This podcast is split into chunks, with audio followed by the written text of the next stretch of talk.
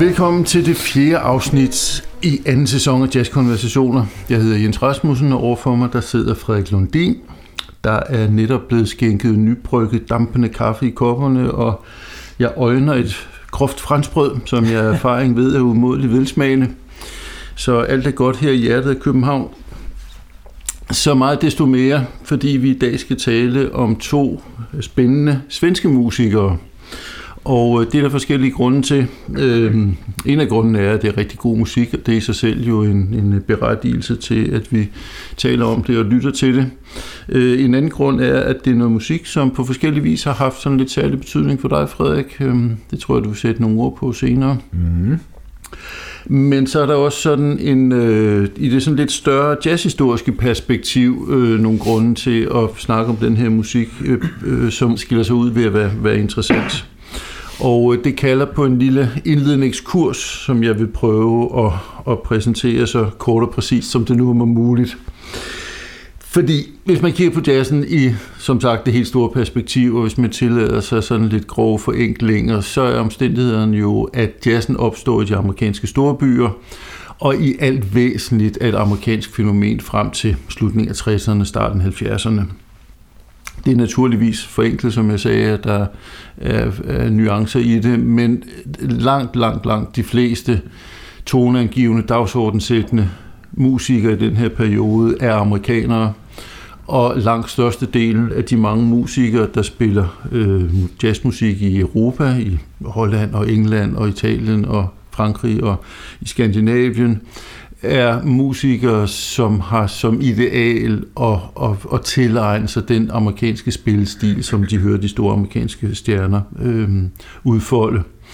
Og så i slutningen af 60'erne, starten af 70'erne og videre frem, så sker der en masse forskellige ting, som man samlet set nogle gange har karakteriseret som, at jazzen blev globaliseret.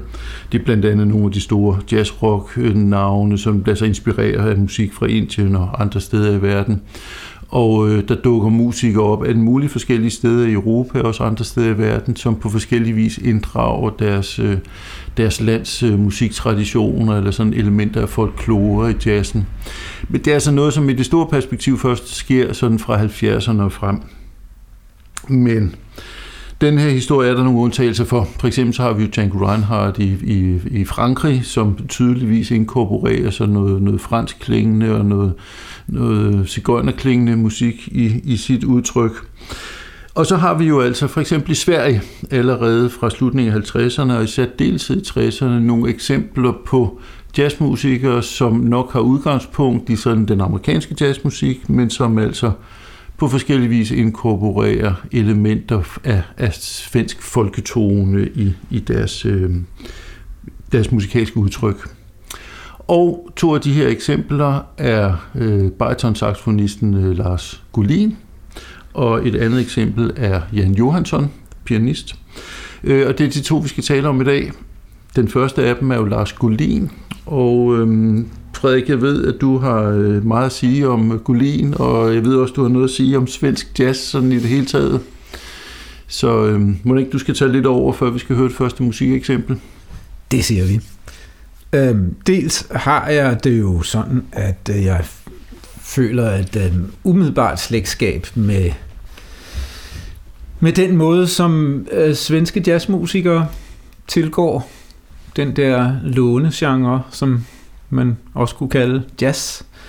Jeg føler et vist åndsfællesskab, og jeg har jo spillet med en del øhm, øh, svenske jazzmusikere gennem tiden, øh, og havde et orkester sammen med trommeslageren Peter Danemo også på et tidspunkt.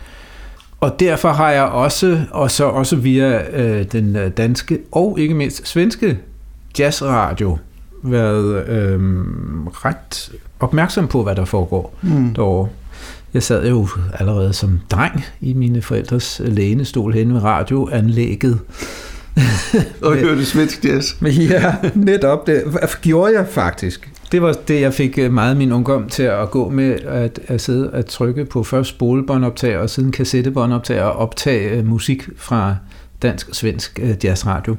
Og der stiftede jeg bekendtskab med adskillige skønne svenske musikere, jeg var meget begejstret for saxofonisterne, jo selvfølgelig især fordi allerede der var jeg selvom jeg endnu kun spillede tværfløjte, følte jeg et, et behov for at blive saxofonist, helt klart.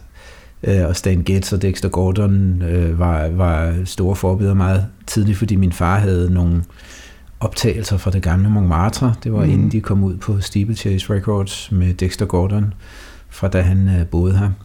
Men jeg hørte så også de her svenske saxofonister som øh, Nisse Sandstrøm og Bernd Rosengren og Börje Fredriksson, saxofonister vi ikke skal tale så meget om i dag, og så øh, øh, den store bariton-saxofonist Lars Kulin, som i mine øjne og ører er øh, en unik fortolker øh, eller behandler af det der øh, store øh, og samtidig lidt klodsede instrument, som ofte bliver behandlet i mine ører lidt for hårdhændet, mm. men øh, hvor øh, folk som Gary Mulligan øh, jo øh, introducerede en, en lettere, mere elegant stil, som jeg synes, øh, Lars Gullin har perfektioneret øh, og spiller om muligt endnu mere elegant end Gary Mulligan. Mm. Og de er jo i alt væsentligt i de samme generation, ikke? Jeg... Ja, de var samtidig og mødte hinanden sågar i, i Europa. Mm. Lars Gullin nåede jo af forskellige årsager aldrig til USA, men, men opnåede at komme til tops i uh, kategorien bariton, uh, ny, nyt talent i uh, downbeat, okay. faktisk. Kan du huske, hvornår det var? Fældigvis? Det var i uh, 50'erne, midt 50'erne. Jeg kan ja. ikke huske nøjagtigt hvilket år. Men lige der omkring, hvor, han, hvor en, nogle af hans første egne ting kom ud. Ja. Altså nu kunne man være kynisk og sige, at der var ikke så mange bariton-saxofonister, men at, altså, at der overhovedet var opmærksomhed på ham øh, i New York, er der ret sigende. Så, det må man sige, ja. Tidligt. Det skyldtes så blandt andet, at den amerikanske journalist og komponist og meget andet, uh, Leonard Feather, blev uh, optaget af uh, svensk jazz i begyndelsen af 50'erne og var i Sverige, uh, hvor han uh, førte amerikanske musikere sammen med, med svenske og øh, arbejdede hårdt på, jeg tror det var måske med Prestige Records, øh, at øh, få lidt opmærksomhed på, på den svenske jazzscene, som han synes var interessant der. Mm. Øh, og det har nok betydet noget i hvert fald for, øh, at man overhovedet blev opmærksom på det, mm. øh, og, og aldrig på samme, i samme grad overhovedet for eksempel dansk, og først langt senere norsk øh, jazzscene ja. eller tysk for den sags skyld, hvor der jo også var dygtige musikere. Nå. Vi skal lige spille en bid musik. Det tror jeg, ja, fordi, vi... og så tager vi det der med, hvad der egentlig videre. skete i svensk jazz yes. øh, bagefter. Vi har valgt to albums i dag. Den ene med Lars Gullin som kapelmester, den anden med Jan Johansson som kapelmester. Ikke nødvendigvis fordi de er de mest øh, fremragende øh, albums overhovedet af de to, men for Lars Gullins vedkommende, fordi det repræsenterer ham som bariton-saxofonist på et tidspunkt, hvor han var aller, allerbedst. Mm. Det er også væsentligt at tale om ham som komponist, mm. fordi det var også sådan, han prægede øh, svensk jazz. Men vi skal høre fra et album, som faktisk er lidt en slags sammenstykning af flere optagelser, Øh, altså, vi må vel gå til bekendelse og sige, at vi faktisk har brugt to opsamlings- eller compilations i dag, er det ja, rigtigt? Ja, den ene er faktisk ikke en compilation, men den nu lige meget. Men denne her er en slags compilation. Den har været udgivet som LP for år tilbage, øh, hed Lars Gullin øh, 1959-60, og, og, og den vi har her, som kan findes på øh, Spotify, men også på CD, ved jeg, hedder så øh, 1959-60 Volume 4 Stockholm Street. Vældig mundret. Mm-hmm. Øhm, og er en af, af det svenske, vel delvis statsejede Dragon Records, har lavet masser masser af udgivelser af svensk jazz, og, og det er så sådan ligesom en del af en serie om Lars Gullin her. Altså 1959-60 Volume 4 Stockholm Street. Og vi skal høre første nummer på det album, Find Together. thank you.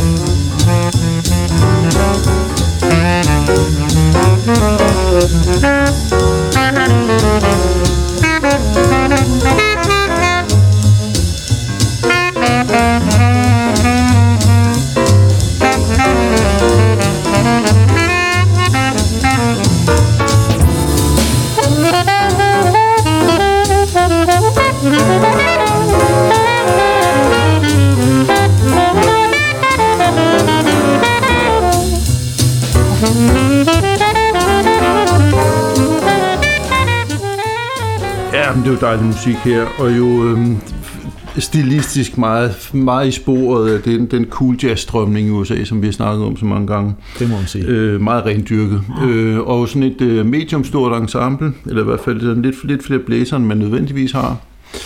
Øhm, og så er der jo det her med det svenske, altså jeg, i mine ører, der, der lyder det lidt svensk, men jeg må indrømme, at jeg er faktisk i tvivl om det, fordi jeg ved, det er svensk, og fordi jeg ligesom har haft, mærk, haft opmærksomhed på det her med, med, med den svenske øh, klang. Jeg ved ikke, om jeg ville have hørt det på den måde, hvis ikke jeg havde vidst, hvad jeg lyttede til. Øhm, men det er jo en Collin-komposition, jeg ved ikke, lyder det svensk i dine ører? altså det... Øh, hvis jeg kom til det her øh, helt øh, uhildet og for første gang, så vil jeg nok heller ikke umiddelbart kunne sige, det lyder svensk. I hvert fald ikke det her nummer. Vi kommer til at høre noget øh, musik øh, om lidt, som, hvor jeg godt synes, man kan tale om noget mm. øh, svensk folketone er kommet ind i det. Ikke? Men her er det mere, øh, øh, som du siger, ud af øh, 50'ernes cool jazz, amerikansk cool jazz. Øh, for mig lyder det sådan på nuværende tidspunkt svensk, fordi jeg associerer det med, med, mm. med musik fra Sverige. Fordi for mig er det genkendeligt som Lars Gullins øh, måde at arrangere og komponere på, mm. kan man sige. Ikke? Mm. Og fordi jeg ved en svensk, så sker den kobling jo helt automatisk. På tale om svensk, måske skulle jeg lige hurtigt sige noget om svensk jazz.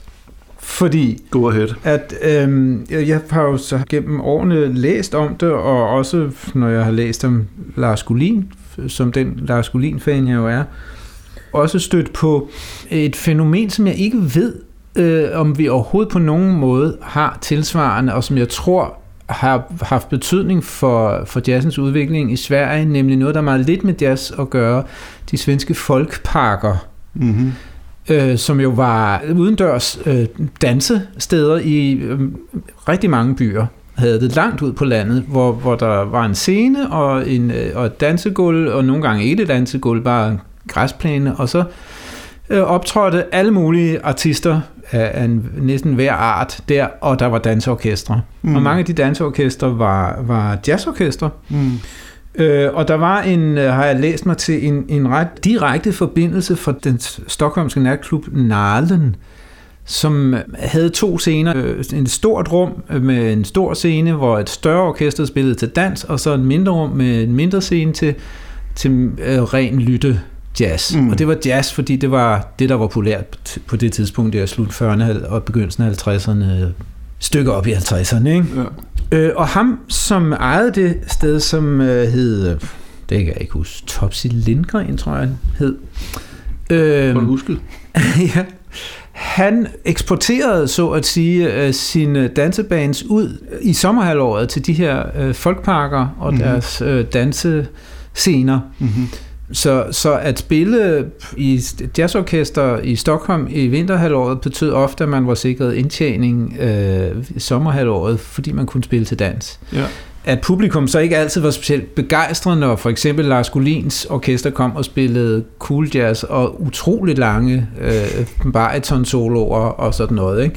Og ikke bare lækre øh, arrangementer, man kunne danse til det, det var så en anden sag, men de, mm. de, de, de, det var en, en måde, som betød, at mange af de her forholdsvis moderne jazzmusikere simpelthen kunne holde skinnet på næsen. Ja. Og det kan jeg ikke minde sig her. Jeg har forsøgt at læse mig til det, øh, men jeg har ikke læst om, at det fandtes på den måde i Danmark. Okay. At man ligesom kunne leve af at spille til dans mm. øh, som moderne jazzmusiker. Jeg Nej. mener også at vide, at der ikke i samme grad var gang i den mere moderne jazz i Danmark mm. på den tid, der ja. i, i midten af 50'erne, begyndelsen af 50'erne. Der er en, en vidunderlig film, som jeg også synes, vi skal huske at få skrevet i vores show notes, der hedder Svend Klangs Quintet, yes. som er en svensk film øh, fra 70'erne, tror jeg, den blev lavet, ikke? men skal forestille at foregå i uh, midt-50'erne, ja. begyndelsen af 60'erne måske.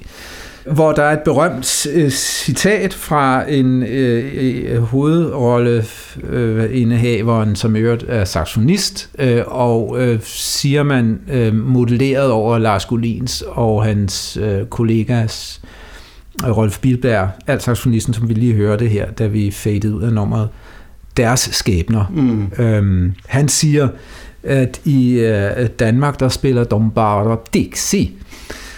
Øh, altså, de ja. spillede øh, traditionel jazz i, i Danmark, ikke? Han synes ikke, der var foregik noget rigtigt der. Det var ikke så moderne.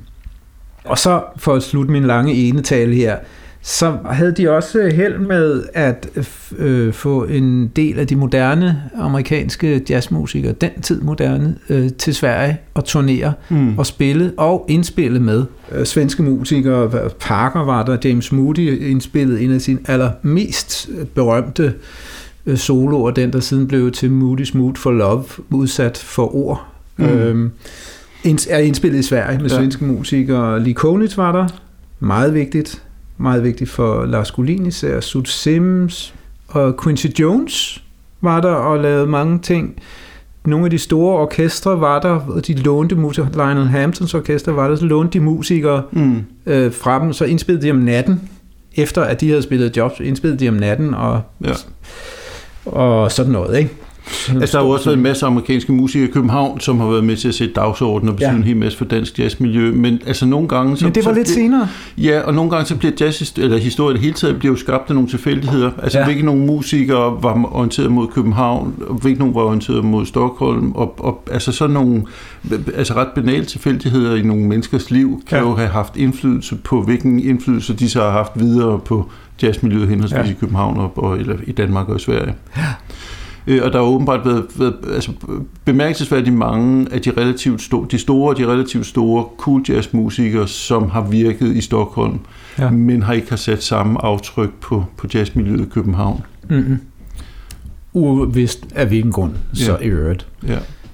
Men igen, ja, tilfældigheder formodentlig, ikke? Og så er fordi at en, en af tilfældighederne er en, en i mine øjne gigant som Lars Gullin, som jo også havde, havde stået kolossal øh, respekt omkring ham blandt kolleger for hans musikerskab. Mm. Han så øh, havde det lidt svært med at håndtere alkohol og mindst narkotika, og ja. livet øh, var, var så et problem, der gjorde, at han også fik lidt dårlig ry. Det er en anden sag. Ja. Ja, vi skal høre noget mere musik. Må nok øhm, og det næste nummer, Merlin, er jo også en, en Gullin-komposition, ja. og der, der, der, synes jeg altså også, der kan jeg også tydeligt høre det svensk, og det tror jeg mm. også, jeg ville associere til det, hvis, hvis ikke jeg vidste, hvad det var. Der, der er noget melodik, og ja, lad os, lad os høre øh, ja. stemningen. Ja.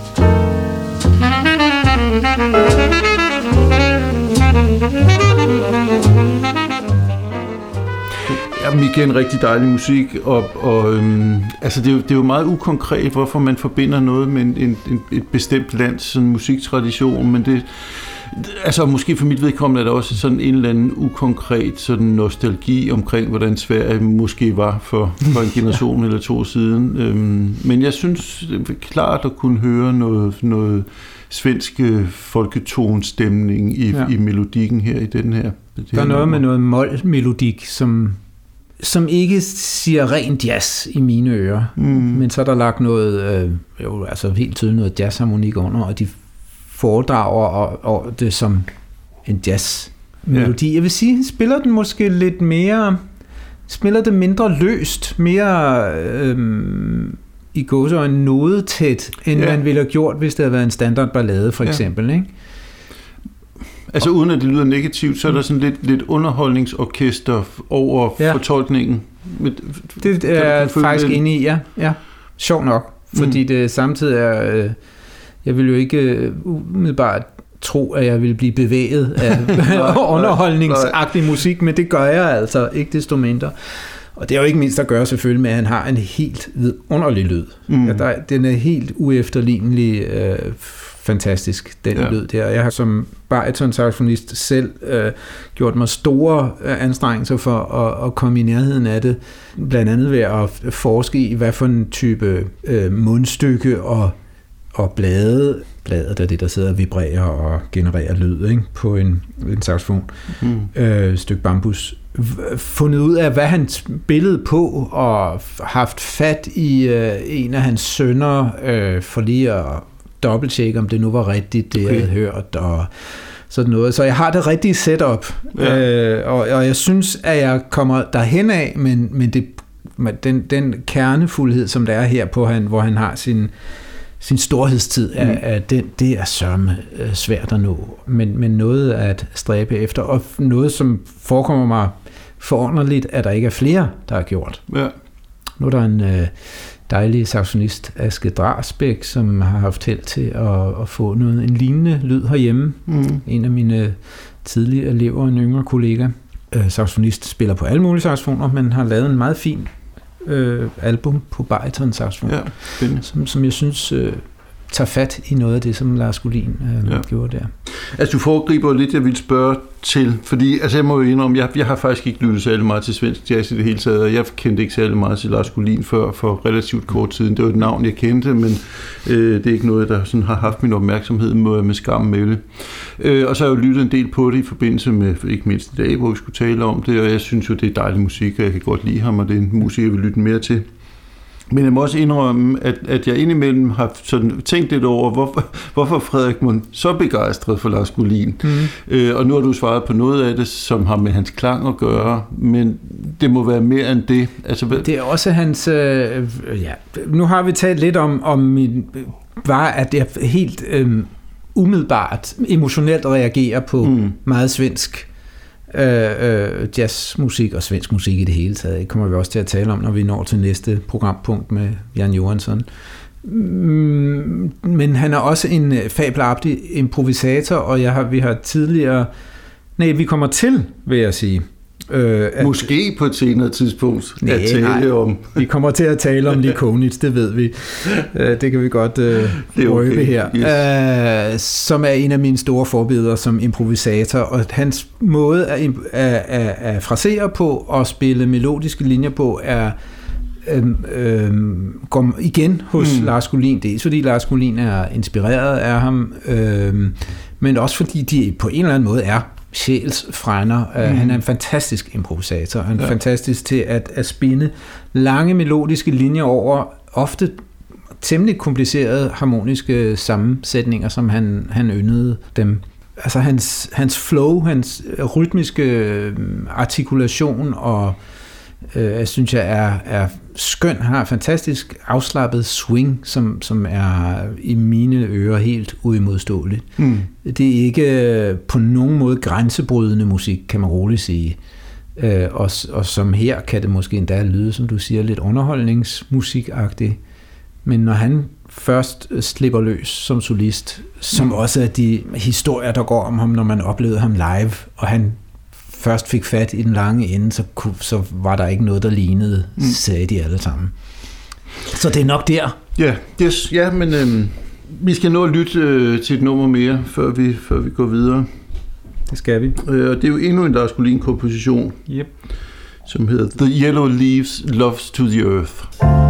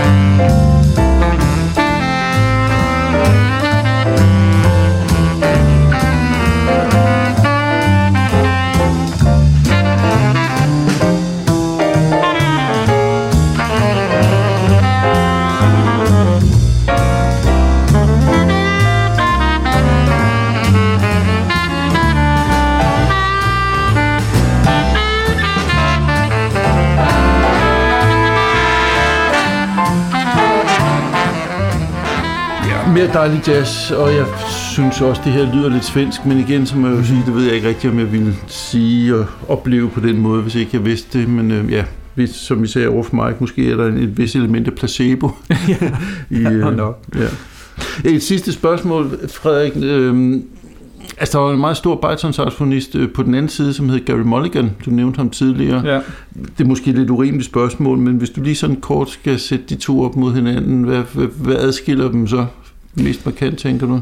Øh, I virkeligheden øh, rytmisk, øh, det rytmiske og, og linjerne. Mm. Og det er jo temmelig meget. Ikke? Klangen er, er der et slægtskab med, især den meget tidlige Mulligan, som vi kender ham fra, fra uh, Birth of the Cool, Miles Davis' mm Øh, Måske også de tidlige kvartetindspilninger med Chet Baker, første halvdel af 60'erne. Ja, altså han var allerede begyndt at ændre sig lidt der. Han var, han var sgu mere øhm, smart og moderne, synes jeg, lige da han kom frem, fordi han spillede øh, mere elegant og, og, og øh, hvad skal man sige, subtilt, synes jeg. Så i 49, der, der var Mulligan okay. Der var han sgu bedst, ja. ja. og så, så jeg holder meget af de der kvartetoptagelser med, mm. med, øhm, med Chet Baker, og også dem, de senere med Bob Brookmeyer. Men han blev sgu, synes jeg, lidt... Øhm, jeg synes, Gary Mulligan i sammenligning med, med Golin er nærmest er corny, når mm. det kommer til det rytmiske. Han, han sådan lidt grovkornet, ikke? Jeg synes, han var meget grovkornet øh, rent rytmisk, og det undrer mig, at han ligesom gået den vej, fordi han havde noget mere subtilt i sig, mm. som han åbenbart er uvist af hvilken grund øh, udviklede sig øh, fra. bort fra. Ja. Ja. Men altså, historien går i hvert fald, at Lars Gullin begyndte at spille bariton efter at have hørt Gary Mulligan. Mm. At det var ikke faldet men, at det var noget, man kunne. Og okay. det var jo heller ikke ret mange andre, der var. Der var så var der øh, jo øh, Joe Ellingtons baritonssaxofonist Harry Carney, som havde en helt anden øh, tilgang til instrumentet, som er mørkere og kraftigere, men, men stadigvæk utrolig flot. Og så mm. var der en, en bebop saxonist, som spillede med Dizzy Gillespie og Duke Jordan senere, der hedder Cecil Payne, mm. som er, er den eneste anden, jeg synes øh, tager instrumentet og dets klang øh, alvorligt på den måde, man skal, som, som også kunne spille meget fint og lyrisk, nemlig. Mm. Ja. Men han er ikke specielt kendt. Ja, vi er jo nået til anbefalingerne, mm. og øh, jeg må lægge korten på bordet endnu en gang og sige, at jeg kender ikke voldsomt meget Lars Gullin, og nu har jeg jo hørt nogle gode ting her. Øh, jeg, jeg synes ikke rigtigt, det er nok bare at nævne et par gode albums, fordi jeg har faktisk ikke rigtig noget overblik over hans produktion, og jeg synes, når vi sidder her og fremhæver noget som noget særligt, så skal vi også kunne fremhæve det som noget særligt på baggrund af sådan musikernes øvrige produktion. Mm-hmm. Så jeg vil næsten trække mig, dog med en lille tilføjelse, som, som for så vidt ikke har så meget med Gulin at gøre, men som dog har noget med Sverige at gøre. Øh, og det er jo fordi, at jeg hele tiden kommer til at tænke på en berømt plade, nemlig Bill Evans-pladen pladen Waltz for Debbie, mm. som jo ikke må forveksles med Bill Evans-pladen Waltz for Debbie. Øh, sidst nævnte er fra 61 og optaget i Village Vanguard med den fremragende trio, han havde. Men han, der kommer simpelthen en plade øh, nogle år efter med præcis samme titel. Og med jo altså svenske Monika Sætterlund øh, som, som øh, vokalist og øh, Chuck Israel på bas og Larry Bunker på trommer, som, mm. som var hans trio på det tidspunkt. Og øhm, der er noget så enormt svensk og dejligt over Monika Sætterlunds øh, fortolkning her. Jeg har lyst til at anbefale det bare ja. som et eksempel på svensk islet i jazzen. Godt, jeg skynder mig lige øh, i al hast og anbefale noget Lars Gullin så. Øh, hvis man gerne vil øh, ramme ham der, hvor han var, var bedst, så synes jeg, at man øh, blandt andet skal tage fat i øh, hans øh, album Portrait of My Pals fra 1964, hvor, han, hvor der er en strygekvartet med, og lidt ekstra blæser og en rytmegruppe med hele to kontrabassister, uvist af hvilken grund. Det lyder lidt skramlet og, og, og øh, indimellem på grund af det, men det er en rigtig fin plade, både hvor man hører ham som øh, komponistarrangør og, og i topform på, på sit instrument. Så skal man også høre det, som gjorde ham berømt, og det kan man så høre på den opsamling, der hedder The Legendary Years Volume 5. De er så flot, ikke? Helt håbløst. Øh, fra indspilninger fra 1954-55, hvor øh, noget af hans allermest kendte kompositioner, nemlig Danny's Dream, er på, som mm. er om noget øh, svensk folkemelodi øh, omsat til jazz. Mm. Øh, sidste kunne være blandt mange andre øh, det album, der hedder Find Together, The Artistry of Lars Gullin, som er musik fra mm, øh, slutningen af 50'erne også, hvor han ganske vist var igennem en øh, øh, øh håbløs periode. Øh, personligt hjemløs og voldsomt narkoafhængig og ind og ud af hospitaler hele tiden, men altså også spillet øh, fuldstændig formidabelt. Mm. Ja, det er utroligt. Ja. Glimrende spændende anbefalinger. Mm. Vi må runde Gulin af her. Og dog lige en hurtig tilføjelse, før vi går videre. Der er jo ikke mindre end to øh, anbefalesværdige bøger for folk, der kunne være blevet Lars Gullin interesseret. Den mhm. ene, det er en bog fra midt-80'erne. Hvad hedder det? Keith Knox, eller ja. rigtig husket? Amerikansk... Øh, forfatter og jazz ja. entusiast, og bosat der, i, i Sverige i ja. mange, mange år. Og med en del uh, interviews med Gullin, ikke? Uh, eller hvad hedder det? Jo, både Gullin folk, og ham. folk, der kendte ham. Ja. Og sådan, ja. ja.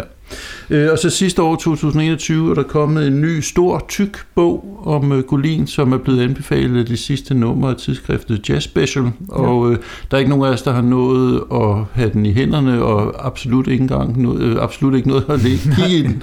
Uh, men den er blevet meget fint anmeldt, den ja. ser meget spændende ud. Uh, den er forfatteren Jan Bruyère. Yes. Så øh, der er to spændende bøger her, for dem, der måtte være blevet interesseret i det. Jeg vil også sige, at øh, vi lægger nogle øh, YouTube-links til forskellige øh, live-optrædener med Lars Gullin, som er, er værd at øh, stifte bekendtskab med. Yes.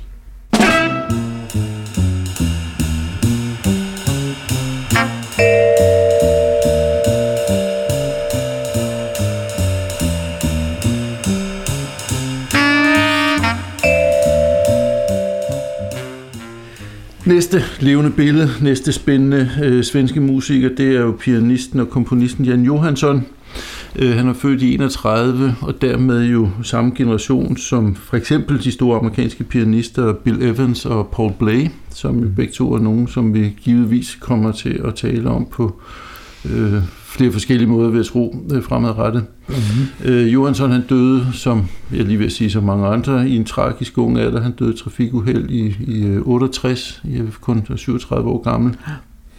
Men var jo altså inden da øh, en af sin tids allermest markante svenske musikere, øh, men markerede sig også internationalt, blandt andet ved, at han spillede med øh, Stan Getz gruppe i en årrække. Der er nogle, nogle øh, fine liveoptagelser fra Montmartre i København, øh, hvor han jo også optrådte med bassisten og, øh, og cellisten øh, Oscar Pettiford, hans gruppe. Der er også nogle, nogle fine optagelser. Øh, og så var han i øvrigt øh, efter sin den første ikke-amerikanske musiker, som deltog i Norman Grants øh, turnéer med det der Jazz at the Philharmonic, som ja. var sådan en større øh, turnéting i, i en længere årrække. Ja. Øh, Johansson var jo enormt altidig, og øh, er jo blevet enormt kendt, både samtiden og eftertiden, for den plade, der hedder Jazz på Svensker. Mm. Øh, vel en af de svenske jazzplader, der har solgt mest alder nogensinde, øh, og en utrolig berømt plade. Jeg ved ikke, hvor meget den blev hørt i dag. Jeg kan huske, da jeg var barn, der synes jeg, den stod i praktisk talt alle hjem, jeg kom i. Ja. Det er muligvis en erindringsforskydning, men det var i hvert fald enormt populær i 70'erne og 80'erne. Ja, ja, med mit kendskab til øh, og kontakt med yngre øh, danske jazzmusikere, så er det stadigvæk noget, folk okay. kender til og har stiftet bekendtskab med. Ja. Og ellers kan man jo bare gå på café, hvor hvis de ikke spiller Kind of Blues, så spiller de jazz på svenska. øhm, men som sagt, han var meget alsidig, så, så ud over den her del af hans, hans stil, så øh, nåede han også at, at eksperimentere med free jazz og inddrage til elektronisk musik, og så mm. nogle øh, ret eksperimenterende ting i slutningen af hans jo alt for korte karriere. Det er helt, faktisk helt utroligt, så meget han nåede at producere ja. på, på så kort tid. Ja. Øh, og i forlængelse af jazz på svensk, så er der jo også en, en, en jazz på russisk og en jazz på ungarsk, som ja. er sammen med, med danske øh, Svend Asmussen. Oh, ja.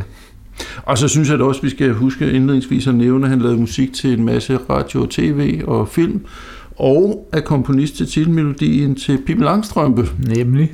Da, da, da, da, da, da, da, da, da, da, da, da, da, da, og så videre. Det er noget. Det er det sgu. Øhm, og jeg ved ikke, om vi simpelthen skal gå til det første musikeksempel, så vi lige kan få lidt øh, lyd på, hvordan jo. det lyder.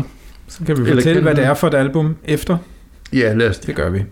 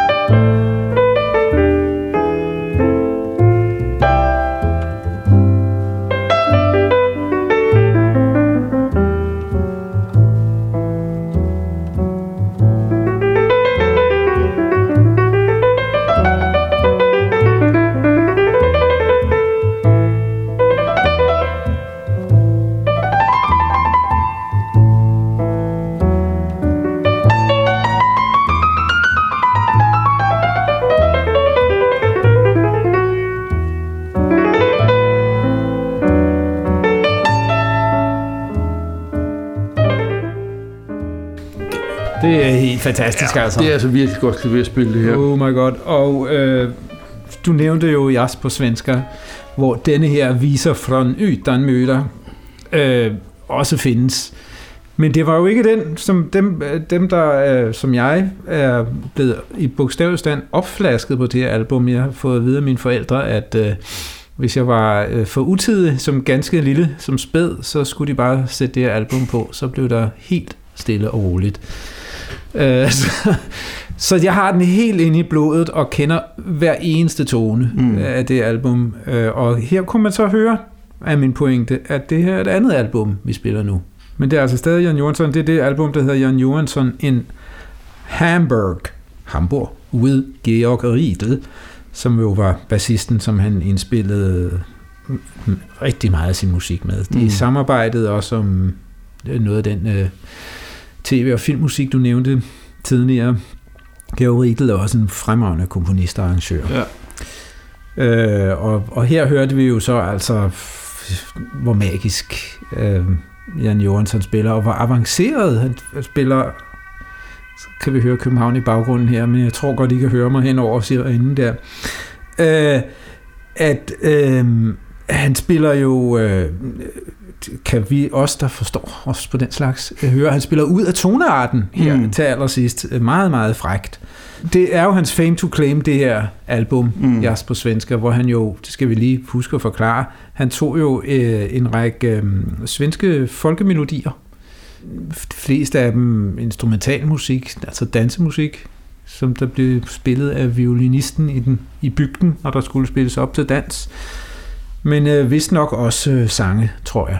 Øh, og så øh, udsatte han dem for jazz, klaver og bas i øh, muligvis det mest vellykkede eksempel på omsætning af folkemusik til jazz overhovedet nogensinde, fordi ja. det har gjort så utrolig smagfuldt. Og under alle omstændigheder et enormt tidligt eksempel på det ja. her. Det er jo noget, som mange gør på forskellige vis. Øh, ja, det sagde jeg indledningsvis, men altså fra mm. 70'erne frem mm. er der en masse eksempler på det her, ja. men, men øh, det var højst usædvanligt, da han gjorde det. Ja, vi må lige nævne Kenny Drews og Niels Henning Ørsted Pedersens øh, i skovens dybe stillero var ja. og, og selvfølgelig øh, øh, det var en lørdag aften, ja. som har opnået lige så meget berømmelse i Danmark som som Jan Johansson på den anden side. Ja.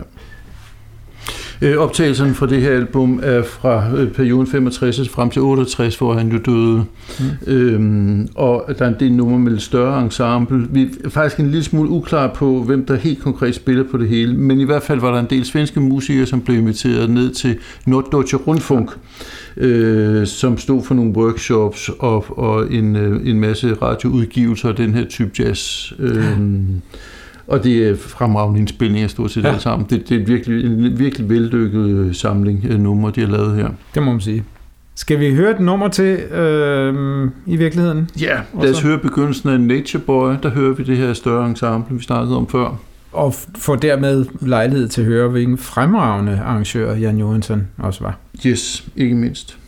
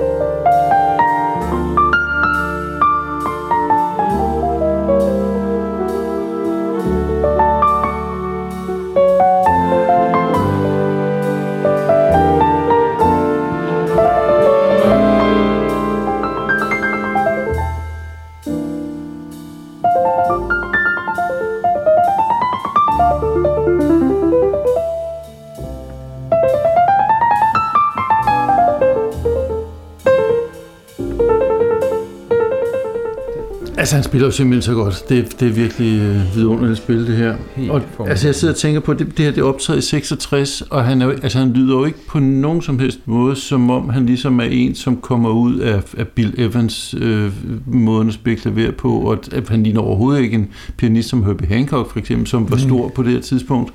Han, han er virkelig meget sig selv, og, og øh, Altså måske er det lidt indbildning, men jeg, altså jeg synes virkelig, det lyder som om, han foregriber en hel masse af det, vi hører hos øh, en masse nordiske pianister senere hen. Altså Helt sikkert. Bo Stensson som en Ja, ja, ja. Men altså fak- faktisk også noget, det Keith Jarrett spiller senere. Ja. Øhm, jeg, jeg ved ikke, om de har nogensinde har hørt hinanden. Jan Øhm, Johansson kunne dårligt have nået at høre Keith Jarrett, men, men omvendt kunne man godt. Han har aldrig nævnt det. nej, Jeg ved, vi har jo sagt til hinanden i vores Keith Jarrett-udsendelse, at han selv har øh, øh, nævnt Paul Blay som en Ja. inspiration, altså Keith Jarrett har, Ja, ikke? yes. Men, men har vi aldrig hørt ham om tale om, om Jan Johansson, som jo er, ellers er en øh, nærmest forudsætning for en, en helt øh, lang tradition inden for moderne klaverspil, Ja. ja. i hvert fald her i øh, Europa, ikke? Der er, ikke, der er ikke mange, der kan sige sig fri for at have taget afsmitning. Mm.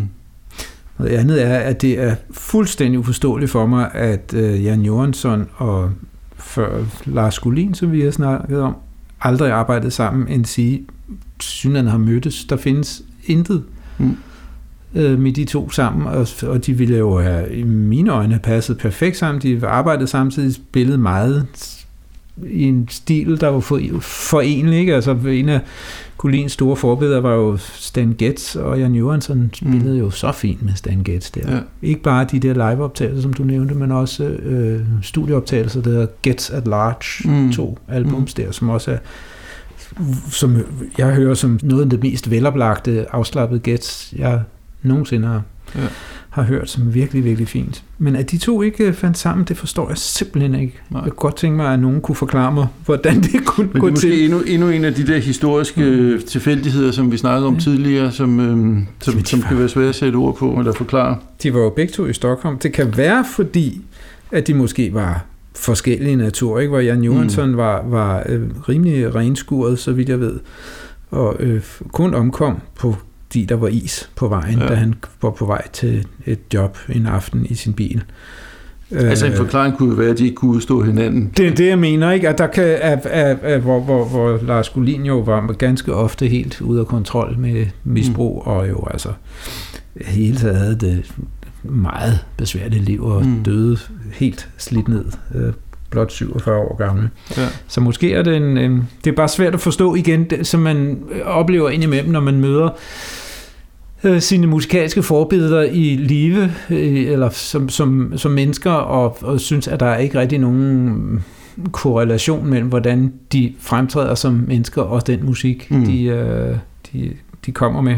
Det, ja. så, så selvom musikken stemmer godt overens, så gør menneskene muligvis ikke. Nej, og altså instinktivt, så tror jeg jo, at mennesker er sådan indrettet, når vi hører noget musik, vi godt kan lide, så forbinder vi umiddelbart den, den stemning, der er i musikken eller kunsten på alle mulige andre måder, med, med den, der har lavet det. Mm. Altså vi har en forestilling om, at, at øh, Charlie Haydens natur var som, som hans musik, og Ja. på samme måde med alle mulige andre. Og man kan jo blive, man kan blive grueligt snydt nogle det gange. er jo sådan det, det, man kan, ja. øh, på godt og ondt. Mm. Jeg ved ikke, om, om øh, der kunne være en anden omstændighed med, hvorfor de ikke har spillet sammen. Altså, Golin var vel alt andet lige betydeligt mere traditionsforankret end, end Jan Johansson, som jo på forskellig vis prøvede mange ting af. Dels med det her folkemusik, men jo også Ja. sådan hans mere eksperimenterende ting, og elektronmusikken og free jazzen og Ja. sådan noget. Det kan også være det. Man kan Mm. sige, man, igen, det, være, det er mærkeligt, at de ikke i hvert fald i starten af, af Jan Johansens karriere der i slut 50'erne har ikke har kunnet mødes. Mm. Også fordi de jo begge to arbejdede i København i nogenlunde samme periode, må det også have været, da Gets boede i København. Mm. Der i 1960. Men øh, ja, ja, sådan Ja, er det. sådan Et er det. mysterium, der aldrig vil blive opklaret. Det må der mange af. vi skal høre noget mere musik, skal vi ikke? jo, det skal. Øh, der er endnu en øh, vidunderlig øh, svensk ting her. Øh, Vals Frondelsbo, forsøger jeg mig med. Det hedder den. Og det er igen øh, med et lidt større orkester i øh, Jan Johansens øh, arrangement. musik.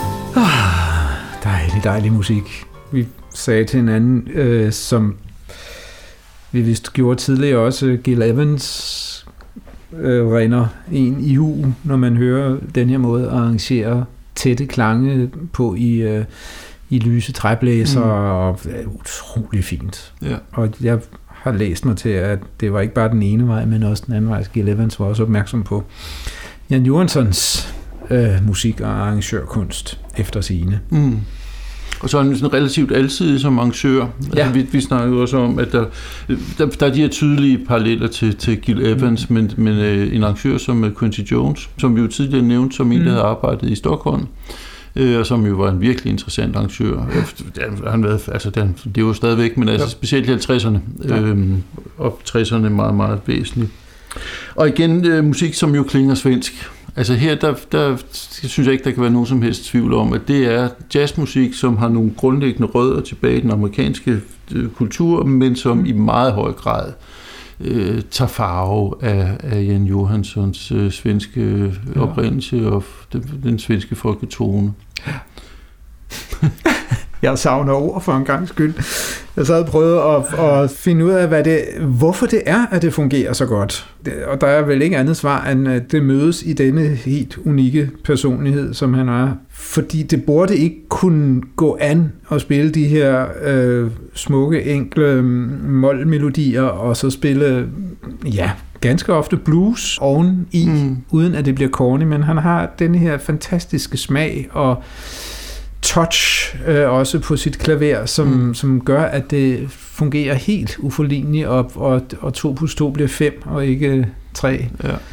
Og så er han jo ovenikøbet teknisk meget, meget overlegen. Altså ikke, ja. ikke, ikke nogen pralrøv overhovedet, men, men sådan en musiker, hvor man har fornemmelse af, at der er simpelthen ikke nogen tekniske begrænsninger. Altså han, han, han kan det, han vil rent musikalsk. Ja. Øh, og det er enormt brilliant. Mm. Øhm, på en, på en elegant måde. Jeg synes også, en interessant pointe ved ham er, at han er så... Øh, jeg synes, det er tydeligt, især når man hører hans øh, meget af hans musik, øh, hvor vi jo kun hører det lille hjørne her, at han øh, trækker inspiration fra utrolig mange mm. forskellige øh, andre kunstnere, og øh, Minkus var også en stor, øh, mm. som vi har talt om i et tidligere program, stor øh, indflydelse på ham jeg kunne godt forestille mig, at foster en teori om, at især øh, de musikere, som er i stand til at inddrage meget forskellig inspiration, øh, og kode det ned til et personligt udtryk, er også dem, som ganske ofte er store kunstnere og mm. interessant at lytte på. Det at, at, at der kommer så meget øh, ind i en og samme person, meget ofte modsatrettet. Altså igen, det, øh, Minkus i den ene hjørne, for eksempel en smuk lille svensk folkemelodi fra, for violin øh, i det andet hjørne, og kunne få det til at mødes mm. i et udtryk er, er helt øh, fantastisk. Og så har det selvfølgelig også noget at gøre med, hvor man henter sine øh, inspirationer, hvordan det kommer til at lyde, men der, der er altså noget særligt ved Jan Johansson og mm. hans brede, brede palet, og som du tidligere sagde, også en interesse for utrolig meget forskellige øh, musik, og også elektroniske øh, virkemidler mm. og, og ting og sager. Ikke? Han var ja. tydeligvis konstant nysgerrig. Mm. En af forskellene på ham og Gulin er nok muligvis også, at han, nå ja, var ved sin fulde fem hele tiden. Mm. Øh, og, det, og det betyder at man er måske er lidt mere effektiv i sin opsøgende ny ja. inspiration og den slags. Mm. Altså endnu en gang, så er det jo et eksempel på, at han, han, han repræsenterer noget, der blev relativt almindeligt senere. Mm. Altså den her sådan meget vidtfavnende øh, stilistiske tilgang til tingene, stilpluralisme begynder man at snakke om op mm. i 80'erne, og nogen snakker om postmodernisme og sådan nogle ting. Øhm, altså frem til og med 60'erne, der, der var det absolut mest almindelige jo, at musikere ligesom tilegnede sig et personligt udtryk, og så var det det, man altså, der ligesom karakteriserede adopterede en, og så bibeholdt man, de fleste bibeholdt så den, den her spillemåde gennem mm. det meste af karrieren. Ikke?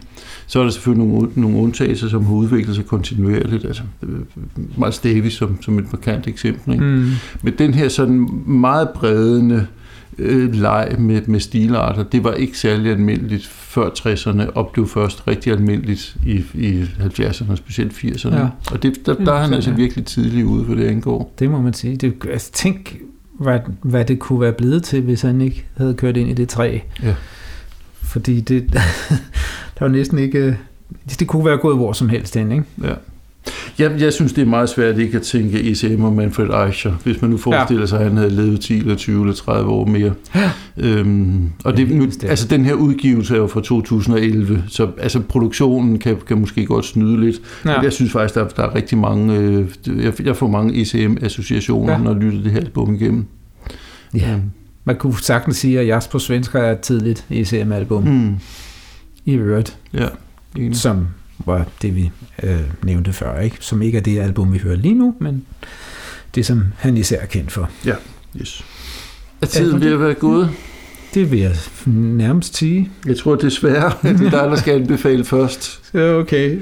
Ja, jamen, så vil jeg da nævne en af dem, som ja, vi lige nævnte, hvor han spiller med Stan Getz, netop fordi jeg også synes, at det er et album, hvor som album betragtet, eller det er faktisk dobbeltalbum, Stan Getz at Large, og så tror jeg, at den anden hedder Stan Getz at Large Plus, hvor man vist nok får to albums worth i en. Og hvor han altså spiller med Stan Getz, den amerikanske bassist Daniel Jordan og den danske trommeslager William Schöpfe.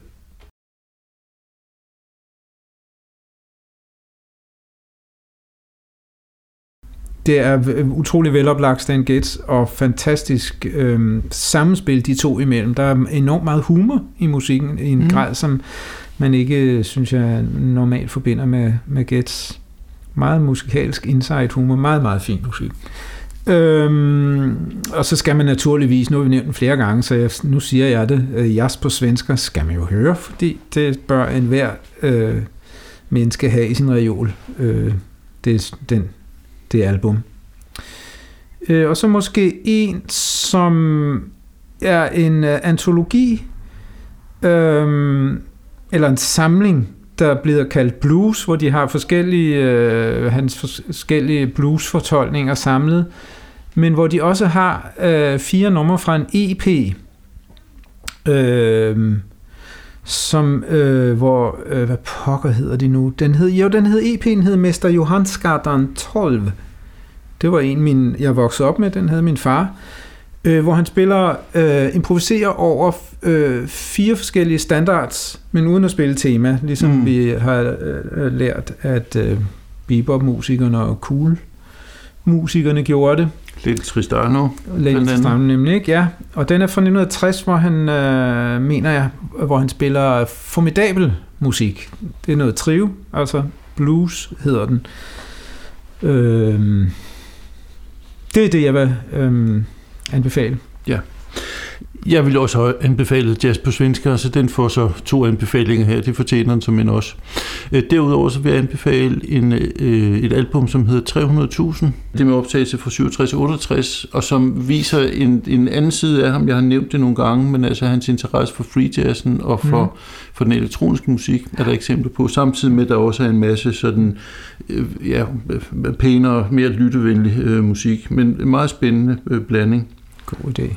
Øh, og så har jeg fundet en, en uh, lidt tidligere ting frem, så nemlig uh, en optagelse med Oscar Pettiford. Den er udgivet på sådan lidt forskellig vis. Jeg tror, at den oprindeligt hed My Little Cello, og så er den mm. så senere udgivet både under titlen Last Recordings of the Late Great Bassist, mm. og uh, også under titlen Montmartre Blues. Men det er der... den med Erik Nordstrøm og vores egen øh, vibrafonist øh, Louis Julemand på? Og Bøjleren Borchinski, måske? Ja, Borchinski det er den, og, og øh, Jørgen øh, Elnif. Elnif, ja. præcis. Ja. Fremragende plade. Det er også yes. en af dem, jeg er vokset op med. Ja, spændende. Den har jeg stadigvæk stående i min reol. Det var min fars øh, vinyl, og den er efterhånden så slidt, at man dårligt kan høre den mere. Men det er en fantastisk album. Det havde jeg helt glemt. Og mærkeligt. Og der kan man jo altså igen høre ham ligesom med Stan Getz i sådan lidt mere, øh, øh, lidt mere konventionelle rammer. Ja. Øhm, men men øh, ja, virkelig fremragende. Ja. Øh, så det, det skal være mine anbefalinger. Gode anbefalinger. Og det var fra Oscar Pettiford. Han boede jo kortvejt i Danmark fra 1958 til september 60. Det vil sige kort efter, at han øh, havde indspillet den her plade, døde han. Jamen, øh, så er vi jo næsten ved vejs ende, bortset fra, at øh, før vi runder helt af, så skal vi jo lige have en lille teaser for, hvad næste udsendelse kommer til at handle om. Det skal vi jo.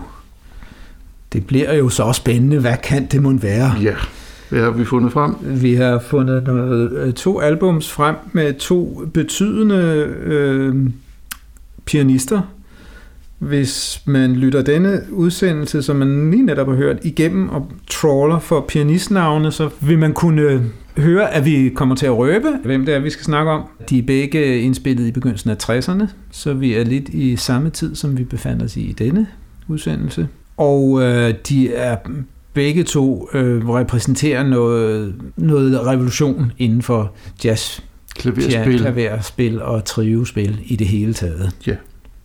Den ene er meget berømt, kan man sige. Den anden ja. er måske en rundkøb en lille smule underkendt, i hvert fald langt fra så berømt som den første. Men det er altså næste øh, udsendelse, så i den omgang, så siger vi tak for i dag fra Jens Rasmussen. Og fra Frederik Lundin. På genhør. thank you